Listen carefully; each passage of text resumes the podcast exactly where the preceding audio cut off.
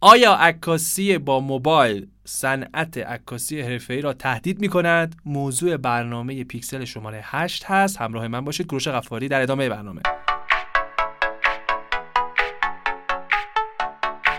خب بله. آیا موبایل ها دارن عکاسی رو نابود می‌کنن؟ خب جواب من الان زوده. ولی بعضی میگن نه بعضی میگن بله. ببینید یه موضوعی که باید ببینیم اینه که خب الان حالا در ادامه برنامه با دوست عزیزم ریحانه که در ادامه با من خواهد بودم راجبش صحبت می‌کنیم. ولی خیلی خلاصه طور بخوام قبلش این مقدمه بگم اینه که به حال تصویر ما الان داریم تصویر همه چی رو دیگه تو صفحات مجازی می‌بینیم. از غذا از عکس های بی معنی که میلیون ها عکس هم هستن و خیلی هم کم اهمیت و کسی بهشون اهمیتی هم نمیده. چون واقعا عکسایی هستن که هر کسی با موبایل هر عکسی تونسته گرفته دیگه. و الان دیگه شاید عکاسی بر اون وجهی که ما همه میشناختیم دیگه خیلی اهمیت پیدا نمی‌کنه. در واقع نه عکاسی منظورم خود عکس هست و واژه عکس. یه زمانی عکس خیلی ابهت داشت چون ما عکس بد نمی‌دیدیم غالبا. هر کسی که عکس می‌گیره حتما یک دانش حداقلی از عکاسی داشت و عکسی که می‌دیدیم حتما بالاخره کوچکترین معانی رو داشت. ولی ما الان سرتاسر سر تو اینترنت عکسای بی‌معنی می‌بینیم که هیچ مفهومی پشتشون نیست و صرفا یکی با موبایل خودش عکس گرفته. و از اونورم یه سری اتفاقای دیگه میفته. حالا اینا رو در ادامه بیشتر بهش میگه مثل این اینستاگرام و مود روز کردن یا همین فادزا که اینستاگرام آورده. مثل مثلا یه زمانی یادتون عکاسی با پا. عکاسی از پاها در واقع مود شده بود. از پنجه در واقع از اون خود پاها. نه لگز نه منظورم فوته. یا بالا عکاسی دیگه. اینا رو تقریبا اینستاگرام آورده که این این مودها و این نوآوری ها در واقع مدیون موبایل گرافیه و چون اینستاگرام بر پایه موبایل گرافی اومد. اگر موبایل نبود مطمئنا اینستاگرامی هم نبود. شاید همون سایت های عکاسی مثل فلیکر و 500px بودن و هیچ وقت تو این قالب عکاسی با اینستاگرام نبود. بعد جالب اینجاست که الان عکاسی با اینستاگرام بر قالب شبکه های اجتماعی دیگه غلبه پیدا کرده و میشه گفت الان عکاسی که عکاسا عکسش اینستاگرام رو حتما دارن. و خیلی از عکاسا از طریق اینستاگرام عکاس شدن و معروف شدن. مثل مثلا برندون ولف عکاسی بود که برای با اینستاگرام معروف شد و اصلا جای دیگه شبکه اجتماعی نداره در حالی که عکسایی که داره می‌گیره با دوربین حرفه‌ای می‌گیره و اینم خودش جالبه. یعنی تقریبا میشه گفت به خاطر موبایل گرافی بود که این اتفاق داره میفته. چون به خاطر موبایل بود که حتی اپ اینستاگرام اومد. حالا اینا اتفاقایی که با حضور موبایل افتاده در ادامه بیشتر باهاش می‌پردازیم. همراه دوست خوبم که ایشون بلاگر هستن. در واقع میشه گفت lifestyle photographer هستن یا fashion blogger هم حتی میشه یه جورایی ایشون رو توصیف داد و در پیج اینستاگرام خودش که در پیجش حالا اگر ببینید موضوع فعالیت ایشون رو حتما متوجه خواهید شد. من باهاش صحبت می‌کردم یا گفته بود که پیج پیجش رو قبلا بیشتر دوست داشت به خاطر اینکه عکسایی که می‌گرفت و بیشتر دوست داشت ولی الان نه. حالا با خودش صحبت می‌کنیم که ببینیم نظرش چیه. ریحان خانم مرسی که خوش... مرسی که خوش اومدی. مرسی که به برنامه تشریف آوردی و خواهش می‌کنم شروع کن دیگه. سلام. بله. پیجت چی بود؟ پیجم ریگرام هست. دو تا underline هم آخرش داره. آره. خب یه توضیح بده اصلا چجوری پیجتو شروع کردی و چجوری وارد این life تصمیم گرفتی lifestyle بشی یا نه؟ در خود به خود در مسیرش قرار گرفتی. نه من حدود چهار پنج سال پیش پنج سال پیش بود. سال کنکورم بود. یه پیج داشتم public بود دوازده K بود. بعد اون تایم که سال کنکور بود نمی‌شد که پیج رو موقتا deactive کرد. من اون پیج رو کلا deactive ش کردم. یعنی پاکش کردی؟ آره کلا deactive شد دیگه پاک شد. بعد یه پیج private داشتم که واسه خودم عکاسی می‌کردم چه شجاعتی داشتی؟ اون موقع پیج دوازده K یی رو پاک کردی خب؟ آخه اصلا اینطوری نبودش اون تایم که ما بدونیم مثلا توی اینستاگرام یه چطوری بگم بهتر اینطوری بگم که درآمد یه منبع درآمدی قراره باشه و آره راست میگی. اون موقع هم مثلا فضا این شکلی نبود. آره اصلا مثلا اینطوری نبود که مثل الان دیگه هیچ کس فکرشو نمی‌کرد که اینستاگرام خودش تبدیل میشه به یک منبع درآمد و business و آره. آره بعد من یه پیج private داشتم که دوستان گفتن که اینو دوباره public ش کن. بعد من public ش کردم و رفت بالا. بعد اونجا بود که برای اولین بار با من یه شرکتی تماس گرفت که من متوجه شدم از این راه درآمدم هستش. یعنی من پیجم رو به این هدف درست نکرده بودم یعنی برعکس الان که خیلی یه پیج رو درست می‌کنن که میگن بخوام بریم کاری کنیم درآمد داشت دنبال follower میگردن آره که درآمد چلی اتفاقی اصلا دنبال این نبودیم. یعنی واقعا اون تایمی که ما توی این اینستاگرام بودیم و پیج public داشتیم می‌تونم واقعا به جرات بگم شاید ده 20 نفر بودیم که اونم فقط عکاسی می‌کردیم نه مثل الان که حالا تقریبا. حالا ببین سوالی که الان در ارتباط با برنامه می‌خوام بپرسم این که عکساتو از اول از کی با تو بودا در واقع تا چه زمانی با موبایل عکس می‌گرفتی؟ بعد چرا یهو رفتی سمت دوربین؟ قبلا عکاس بودی یا؟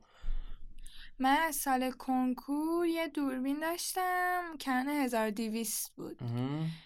با اون عکاسی می‌کردم و اینا ولی نه اینکه بگم همیشه دستم بود دوربین و اینا نه بیشتر واقعا همون با موبایل عکسامو می‌گرفتم. بعد- ببخشید میون کلامت. نظر خودتو می‌خوام بدونم. به نظر تو موبایل می‌تونه جای دوربین عکاسی رو بگیره؟ چون تو خودت هم با موبایل تجربه داشتی هم با دوربین عکاسی. فرقی توشون دیدی؟ فرق که می‌دونیم هممون دارن. ولی به نظر تو موبایل اگر روز دوربین تو بگیرن اوکی میگه اشکال نره. با موبایل عکس می‌گیرم یا نه؟ میگی من دوربین باید مثلا ما میگیم فکر کن دوربین نیست و حالا یکی می‌بره. خدا نکنه. ولی- می‌تونم بگم که عکس خوب محتوای عکس خوب به دوربین. نوع دوربین بستگی نداره. یعنی ما می‌تونیم با گوشی عکس خوب بگیریم محتواش خیلی خوب باشه. یعنی اگه دوربینم نباشه از نظر من مشکلی نیستش. خب پس این نشون ولی- میده که یعنی دوربین موبایل الان در حدی شده که آدم احس... خلأ وجود دوربین رو حس نکنه دوربین عکاسی حرفه‌ای رو.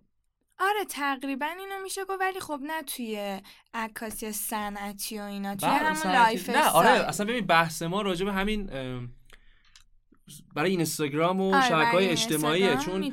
می‌بینی یه فرقی که الان با گذشته کرده خب قبلا ها ما اگه می‌خواستیم عکاسی کنیم اول از همه باید می‌رفتیم دنبال عکاس یعنی اینجوری نبود که عکاس یعنی عکس هر لحظه ما اینقدر عکس بگیریم بعد تازه اون موقع عکس می‌گرفتیم 36 تا فیلم داشت بیشتر. اگر هم خودمون دوربین داشتیم 36 تا فیلم داشت بعد اون 36 تا بعد مواظب می‌بودیم عکس بیخودی نگیریم. یعنی سر هر عکس به شدت دقت می‌کردیم. اگه یکیش هم میسوخت دیگه تمام شد. دیگه اون عکس نیست. مثل الان نیست. ما 10 تا عکس می‌گیریم. میگه نه اینو دوست ندارم. اینجا چشام گنده است. اینجا دماغم گنده است. اینجا نمی‌دونم چشم و- بله. همه رو می‌تونیم انتخاب کنیم. که البته این خودش باعث شده که به نظر من الان اون ببینید اون قدیما یه موضوعی که بود خیلی دوست داشتن عکاس بشن ولی تجهیزات گرون بود. درسته؟ بله. یعنی همه نمی‌تونستن دوربین عکاسی داشته باشن. الان همینه الان هم همینه ولی الان می‌تونن اون حس عکاسیشون رو ارضا کنن با موبایلشون. یعنی طرف با کادربندی و composition و اینا الان بله اصلا خیلی. هستن. توی این اینستاگرام که من می‌شناسم که اصلا با دوربین عکاسی نمی‌کنن ولی واقعا پیجشون محتوای خیلی قشنگی داره. آدم از دیدن عکساشون لذت می‌بره. آره بحثم همینه. در واقع ما الان با این صنعت موبایل یه اتفاقی که افتاده اینه که باعث شده همه تو داستانگویی خوب بشن. ما عکاس بدم خیلی داریم. حتی تو موبایل ها. به قول شما الان ما عکسایی داریم که با موبایل می‌گیرن بسیار زیباه چون طرف کادبندی رو می‌شناسه و یه سری هم مثلا با دوربین عکس می‌گیرن ولی خب عکسشون آفرین. اصلا اینم هست. آفرین. می‌خوام بگم که الان درسته فرصت برای همه پیش اومده. یعنی الان همه می‌تونن خود نشون بدن که اون استعداد عکاسی رو دارن. بستگی به دیدگاهشون داره. دیگه. یعنی یکی دیدگاهش خوبه با موبایلی عکسی می‌گیره که کسی که دوربین داره اون عکس رو نمی‌تونه بگیره کادرشو. دقیقا بحث منم همینه که کسانی که شاید نمی‌تونن دوربین داشته باشن دیگه الان می‌تونن با موبایلشون حداقل نشون بدن که من اون استعداد رو دارم. بله. و فرصتش هم پیش اومده. الان شما به قول خودتون الان عکس می‌گیرین. قبلا اگه می‌خواستیم دوره‌ای که حالا موبایل به این صنعت نرسیده بود می‌خواستی عکسات نشون بدی بعد نمایشگاه می‌زدی.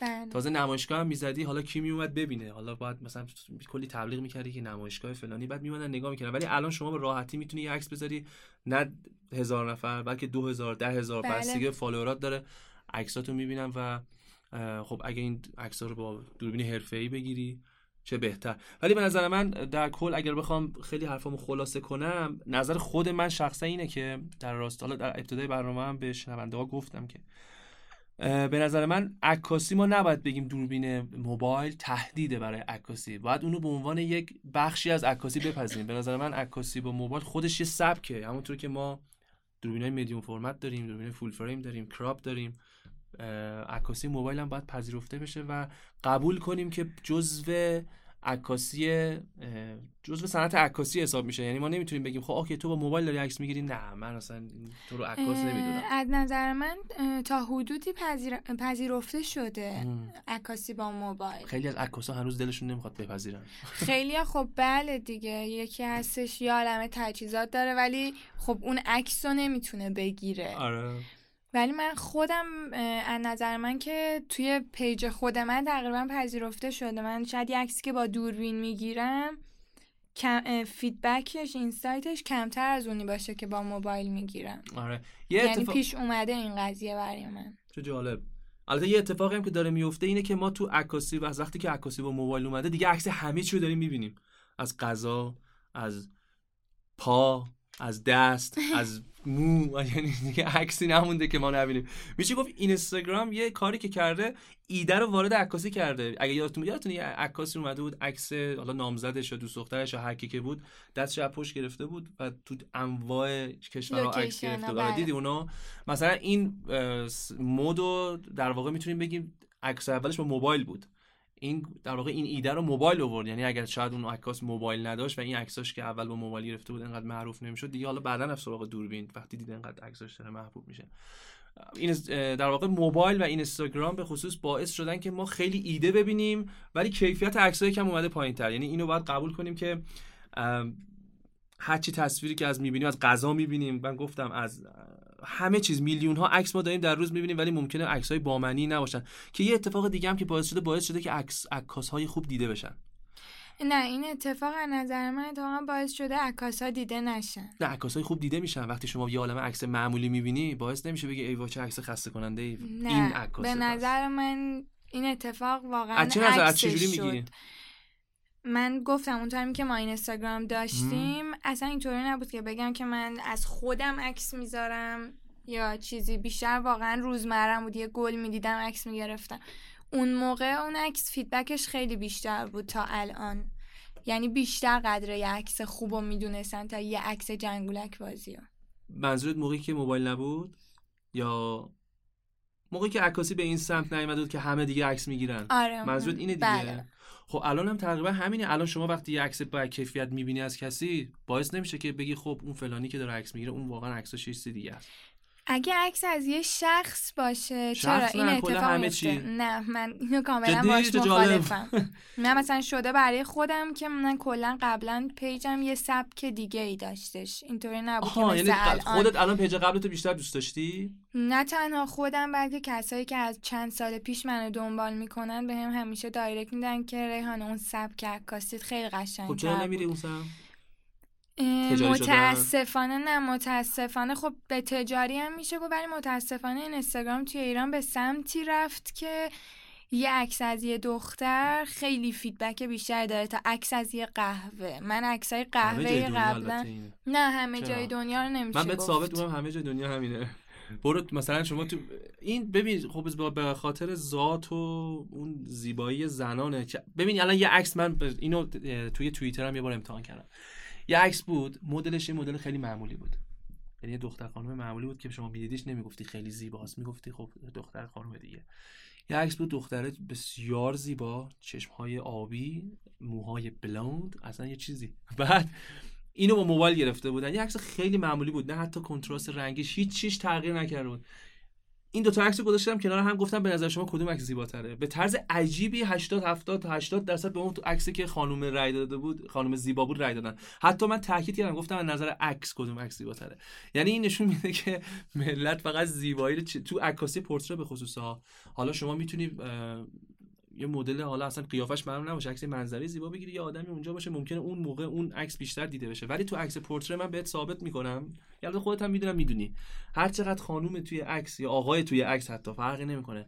اینا زیباتر و جذابتر باشن عکست پربیننده تره مثل صنعت سینما دیگه. چرا فیلم های مثلا ممرزا گلزار میفروشه؟ چون بعضی فکر می‌کنن آه خدای من این چقدر خوش تیپه فقط میرن اونو ببینن.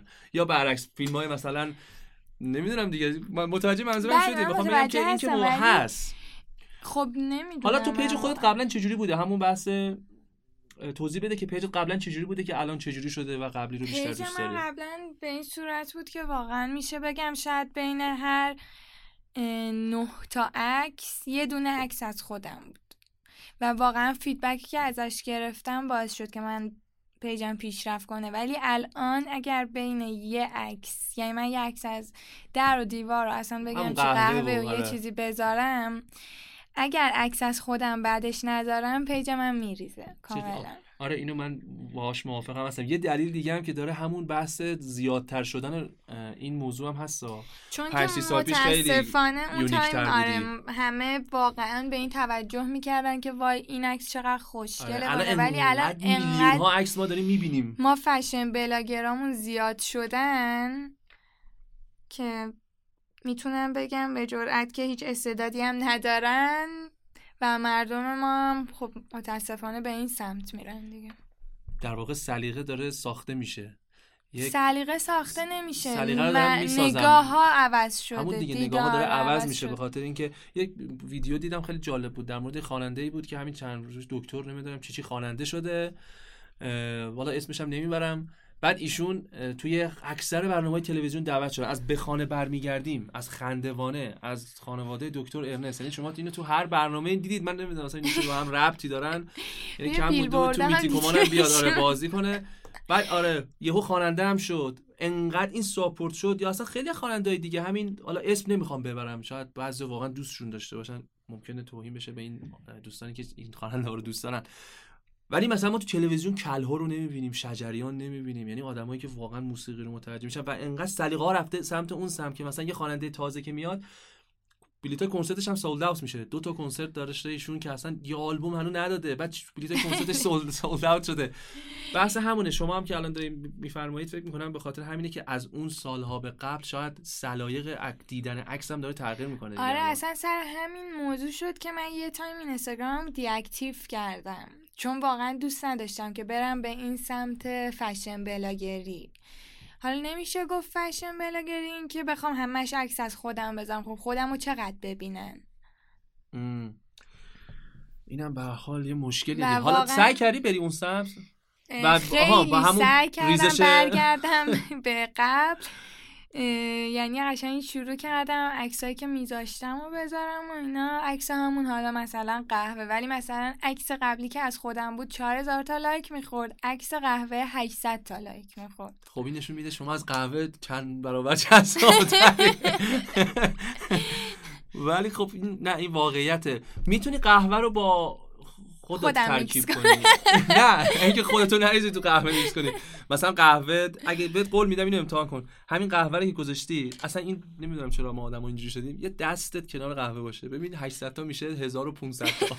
اصلا یعنی نمی‌دونم چه بر سر بیننده های عزیز توی خونه افتاده که عکس رو اینجوری لایک می‌کنن. یعنی واقعا ولی مثلا واقعا حضور شخص تیمارستان اون که خیلی لایک می‌خوره اون چون توش پلنگ داره به حال. پلنگ نقش وافری داره. می‌تونی بغل قهوات پلنگ بذاری. یا مثلا ببر مازندران هم شاید طرفدار داشته باشه.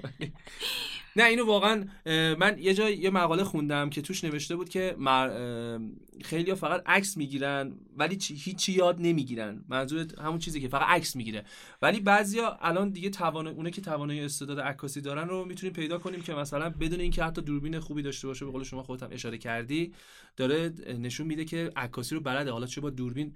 خودت هم حتی اگه عکسایی که با موبایل گرفتی که گفتی داری هم اگه بریم نگاه کنیم که من نگاه کردم اتفاقا تا اون پستای پایین پایین رفتم و مطمئنم دیگه اون عکس‌ها با موبایل بود. این عج- من فکر می‌کردم واقعا این آخری هم با موبایله ولی همیشه می‌گفتم عجب موبایل خفنی این دیگه چی؟ آیفون 20 این چقدر خوبه. چون به من گفته بودن که با موبایل عکس می‌گیری از پشت صحنه. بعد اون عکسایی که گیریدم اونجا مشخصه که تو نگاه عکاس رو داری و این خیلی خودش مهمه. چون بعضیا میگم تو کادربندی ها مثلا سوژه رو دیگه اینا رو آره، نمی‌خوام توضیح. بدم. هممون می‌دونیم تو کادربندی چه چیزهایی مهمه. و این هاست. حالا effect های اینستاگرام می‌خوام بهت یه چند تا نکته بگم. این effect های اینستاگرام رو عکسات استفاده می‌کنی یا نه؟ عکساتو تو فتوشاپ edit می‌کنی بعد دیگه هیچ effect ی از اینستاگرام استفاده نمی‌کنی؟ من معمولا از effect های اینستاگرام اصلا استفاده نمی کنم برای عکس post ام. story که چرا؟ حالا ولی برای پستام اصلا استفاده نمی کنم شاید بگم بر شارپش استفاده کنم. sharp کردنش. نه آره. افکت هم از اون رنگ و ایناست. نه، یه اصلا. بعدی که effect هم دارن خیلی لحظه ای یعنی اینا دوره دارن.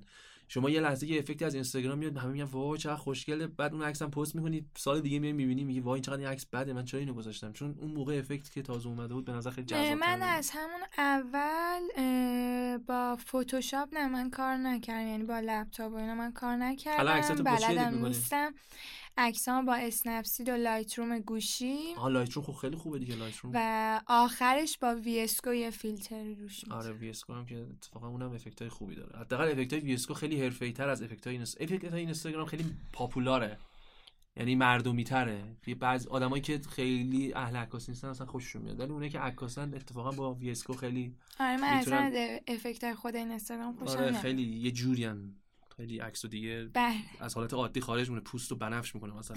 یا شما عکس می‌گیرید.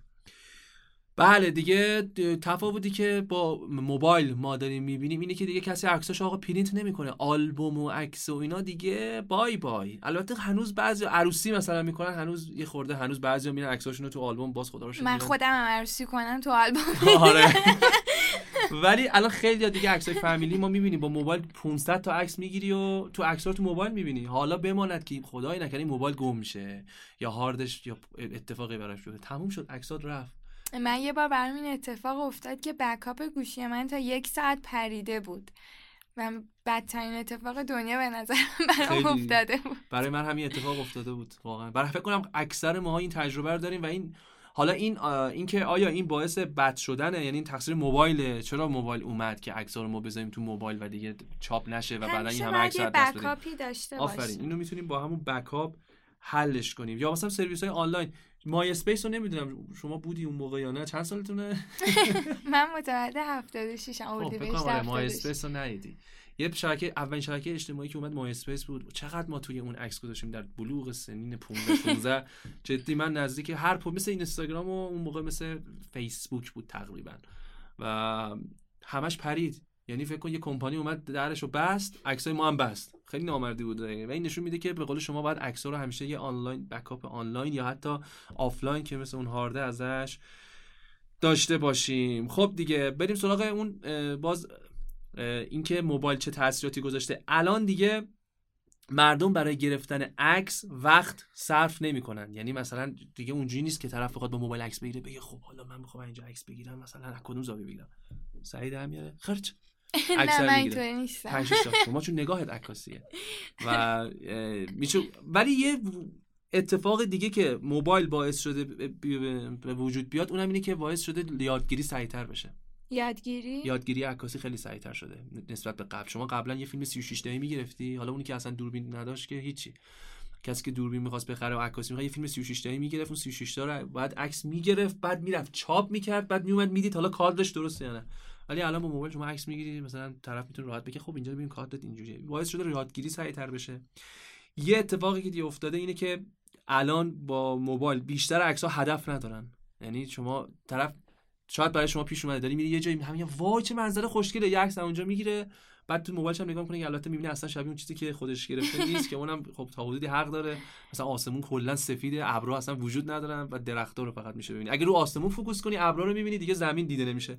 اینم باز مشکلاته که عکاسی با موبایل برای آدم اتفاق میفته بعدم اینجا من یه یادداشتی نوشتم نشان قبلا مردم عکس ها رو که می‌گرفتن البته بهش اشاره اشاره هم کردم. گالری میذاشتن و برای مخاطب مخاطب و به قول معروف سمت گالریشون جذب می‌کردن. ولی الان دیگه ما راحت عکس رو می‌ذاریم توی اینستاگراممون و به راحتی عکس رو چندین هزار نفر می‌بینن و دیگه لازم به گالری نیست خب و از نظر من گالری باز اتفاق قشنگیه خب. هنوزم برگزار میشه. ولی واقعا گالری در سالهای گذشته خیلی کمتر شده. قبلا شما می‌خواستی عکسای عکسای عکاس خیلی معروف ببینی جایی نبود عکساشو ببینی. مجبور بودی بری تو گالری مثلا عکسای عکاس خیلی معروف ببینی. الان میری تو page حالا عکاسای حرفه‌ای 500 پیکس رو دارن یا 500 پیکس میرن اونجا عکساشو می‌بینن. یا اگه بخوام میرن تو اینستاگرامش عکساشو می‌بینن. وقتی شما عکسا رو دیدی حالا اگر گالری باشه اینکه چقدر می‌خواید علاقه داشته باشی بری اون گالری دوره عکسایی که قبلا دیدی و ببینی اون دیگه اونجا میشه گفت اون geek های اون آدم و طرفدارای خیلی عجیب اون آدم شاید برن بله. نمایشگاه. دیگه شمایی که عکس رو قبلا تو اینستاگرام شاید بگی خب من که دیدم حالا چرا مثلا برم چند دلار بدم اونجا که وارد اون عکسایی بشم که قبلا دیدم. بعد دیگه الان هم یک اتفاق دیگه افتاده که بهش اشاره کردی. الان دیگه عکسامون با لایک قضاوت میشه. یعنی شما عکس قهوه تو واقعا خودت بیشتر دوست داری یا ولی از نگاه آدم عادی مثلا اگه بیاد حتی عکسای خودتونو. یه عکس گرفتی با یه لباس یه عکس دیگه هم گرفتی با یه لباس. خیلی جالبه. شاید یه عکس بیاد 500 تا لایک بخوره مثال می‌زنم. البته لایک های شما همه بالاتره بعد مثال بالاتری بزنید یه عکس مثلا چند هزار لایک بخوره این عکس 2000 تا کمتر بخوره. اون موقع یکی بخواد انتخاب کنه از روی لایک ها شاید جاج کنه. بگه خب حتما این لباس قشنگتره دیگه. یعنی اون لایک ها باعث میشه که الان باعث شده که عکس ها اون جاج بشن. یعنی اگر عکسمون کم لایک بگیره فکر می‌کنیم عکسمون خوب نبوده. یا اگر مثل خودت دیگه الان عکس قهوه می‌گیری فکر می‌کنی دیده در حالی که شاید لحاظ اون impression دیده شدن هیچ فرقی با عکس خودت نداشته. فقط چون اون عکست خودتی حالا آقا پسرا بگیم یا خانم دخترها هم هستن دیگه. دوش بیشتر دوست دارن لایک کنن. قهوه هم قطعا دیدن. یعنی شما فکر کن اگه برید چیزشو ببینید هیچ فرقی با هم ندارن. آره این همشون با هم یکیه. حالا نهایت چند صد تا فرق داره. ولی خب متاسفانه یا خوشبختانه یا نمی‌دونم چی چی عکسایی که حضور یک انسان در آن باشد به قول یک حاج بیشتر لایک می‌خوره. بعد دیگه چی؟ دیگه اینجا نوشتم که مهارت الان بر هنر چیز یافته. چی میگن؟ هیته سیتره پیدا کرده. از پشت صحنه همکاران از پشت صحنه با چنگ و دندون داشتن اشاره می‌کنن سیتره بله. الان مهارت بر هنر داره کمتر میشه. این یه واقعیته. با موبایل ما عکسایی که داریم می‌بینیم اصلا. ببینید بعد وقتی من میگم عکاسی با موبایل دقت کنید. منظورم عکاسی با موبایل عکاسا نیست. مامان بابا خواهر همه. پسرمو پسر دایی دوستامون. قطعا شما عکسای فامیلی و آدمای عادی رو نگاه می‌کنی هیچ زیبایی این یه واقعیته. مگر اینکه یک آدمی توش ببینی که برات عزیز باشه ولی هیچ زیبایی تو عکس نمی‌بینی. نمی‌دونم منظور مت... نظرم قبول داری؟ مثلا شما دوستت رفته از مثلا یه دیواری عکس گرفته واقعا میگه وای چه عکس ایدالی. یا نهایتش میگه خب یه عکس گرفته دیوار دیگه. آره خب. آره خب آره. نه واقعا اینجوری شده. و چرا؟ چون عکاسی راحت شده با موبایل. دیگه کسی به این نگاه نمی‌کنه که خب من اگر عکس بگیرم دوربینم خراب میشه یا این عمر موبایلم کم میشه بذار اینو نگیرم. یا بذار فردا بیام که نور خورشید اونجا باشه. این چیزا خبری نیست. عکس رو می‌گیری و می‌ذاری پست اینستاگرام بعدم میگه چرا لایک نمی‌خوره. این همه عکس خوب می‌گیرم. بعد عکس اون عکاسه که مثلا 15 سال داره عکاسی می‌کنه چجوری انقدر لایک می‌خوره؟ خب بالاخره دیگه. چی بگم واقعا بهتون. بعد موضوع دیگه اینه که آهان بخش آخر که نتیجه گیری می‌خوایم بکنیم اینه که نظر خود من اینه چون موضوع برنامه اینه که آیا عکاسی با موبایل داره عکاسی حرفه‌ای رو تهدید می‌کنه؟ چون به حال از وقتی که عکاسی با موبایل اومده آدما خیلی کمتر سراغ عکاس ها میرن. اینو باید قبول کنیم. عموم حداقل کمتر میرن. شاید برای شما که داری کار پروفشنال می‌کنی خب مطمئنا خود دوربین داری با دوربین عکس می‌گیری. ولی قبلا عکاس ها اگر روزی چند نفر بهشون میگو آقا بیا من عکس بگیریم من می‌خوام برم فلان جا عکس بگیرم. الان خیلی کمتر شده چون طرف با موبایل خودش می‌تونه عکس بگیره. اون آدم هایی که قبلا شاید با اون هم راضی نبودن دیگه الان سراغ عکاسا نمیان و این از این لحاظ ما می‌تونیم بگیم تهدید ولی واقعا به نظر من تهدید نیست. ما به جای که بگیم عکاس با موبایل داره عکاسی با دوربین رو تهدید می‌کنه. به نظر من نه عکاسی موبایل داره یک انقلاب یک ریولوشنری داره ایجاد می‌کنه توی صنعت عکاسی و داره صنعت عکاسی رو تغییر میده. نابودش نمی‌کنه. نمی‌تونه نابودش کنه چون نمیشه که نابود بشه. خود موبایل داره عکس می‌گیره. چجوری بخواد نابودش کنه دنیا عکاسی رو؟ و در واقع عکاسی موبایل داره بخشی از عکاسی ای میشه. یعنی ما به زودی شاید حتی تو دانشگاه های عکاسی عکاسی با موبایل هم اضافه بشه. یعنی شما نه تنها باید بری عکاسی با دوربین ای رو پاس کنی باید با موبایل هم چند تا عکس خوب بتونی بگیری. کما که در چند سال آینده اصلا معلوم نیست چه اتفاقی برای موبایل بیفته و انقدر پیشرفت کنن که من واقعا نگران اون روزم. عکاسای عزیز اینا که تازه رفتن عکاس شدن بیچاره شدیم رفت.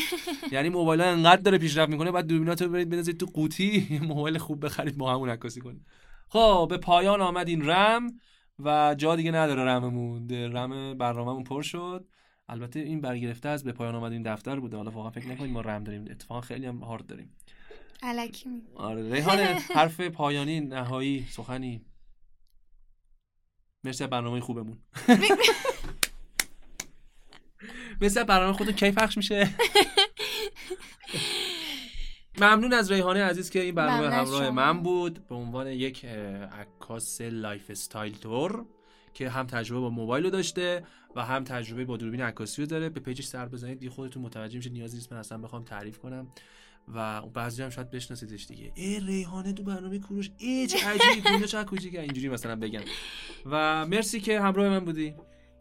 مرسی از شما خواهش تا می‌کنم. دیداری دیگر بدرود. آره یه برنامه دیگه حتما برمیگرده با همون راجع موضوع دیگه حالا می‌فهمید. سورپرایزه مثلا. این شروع همکاری این شروعی تازه.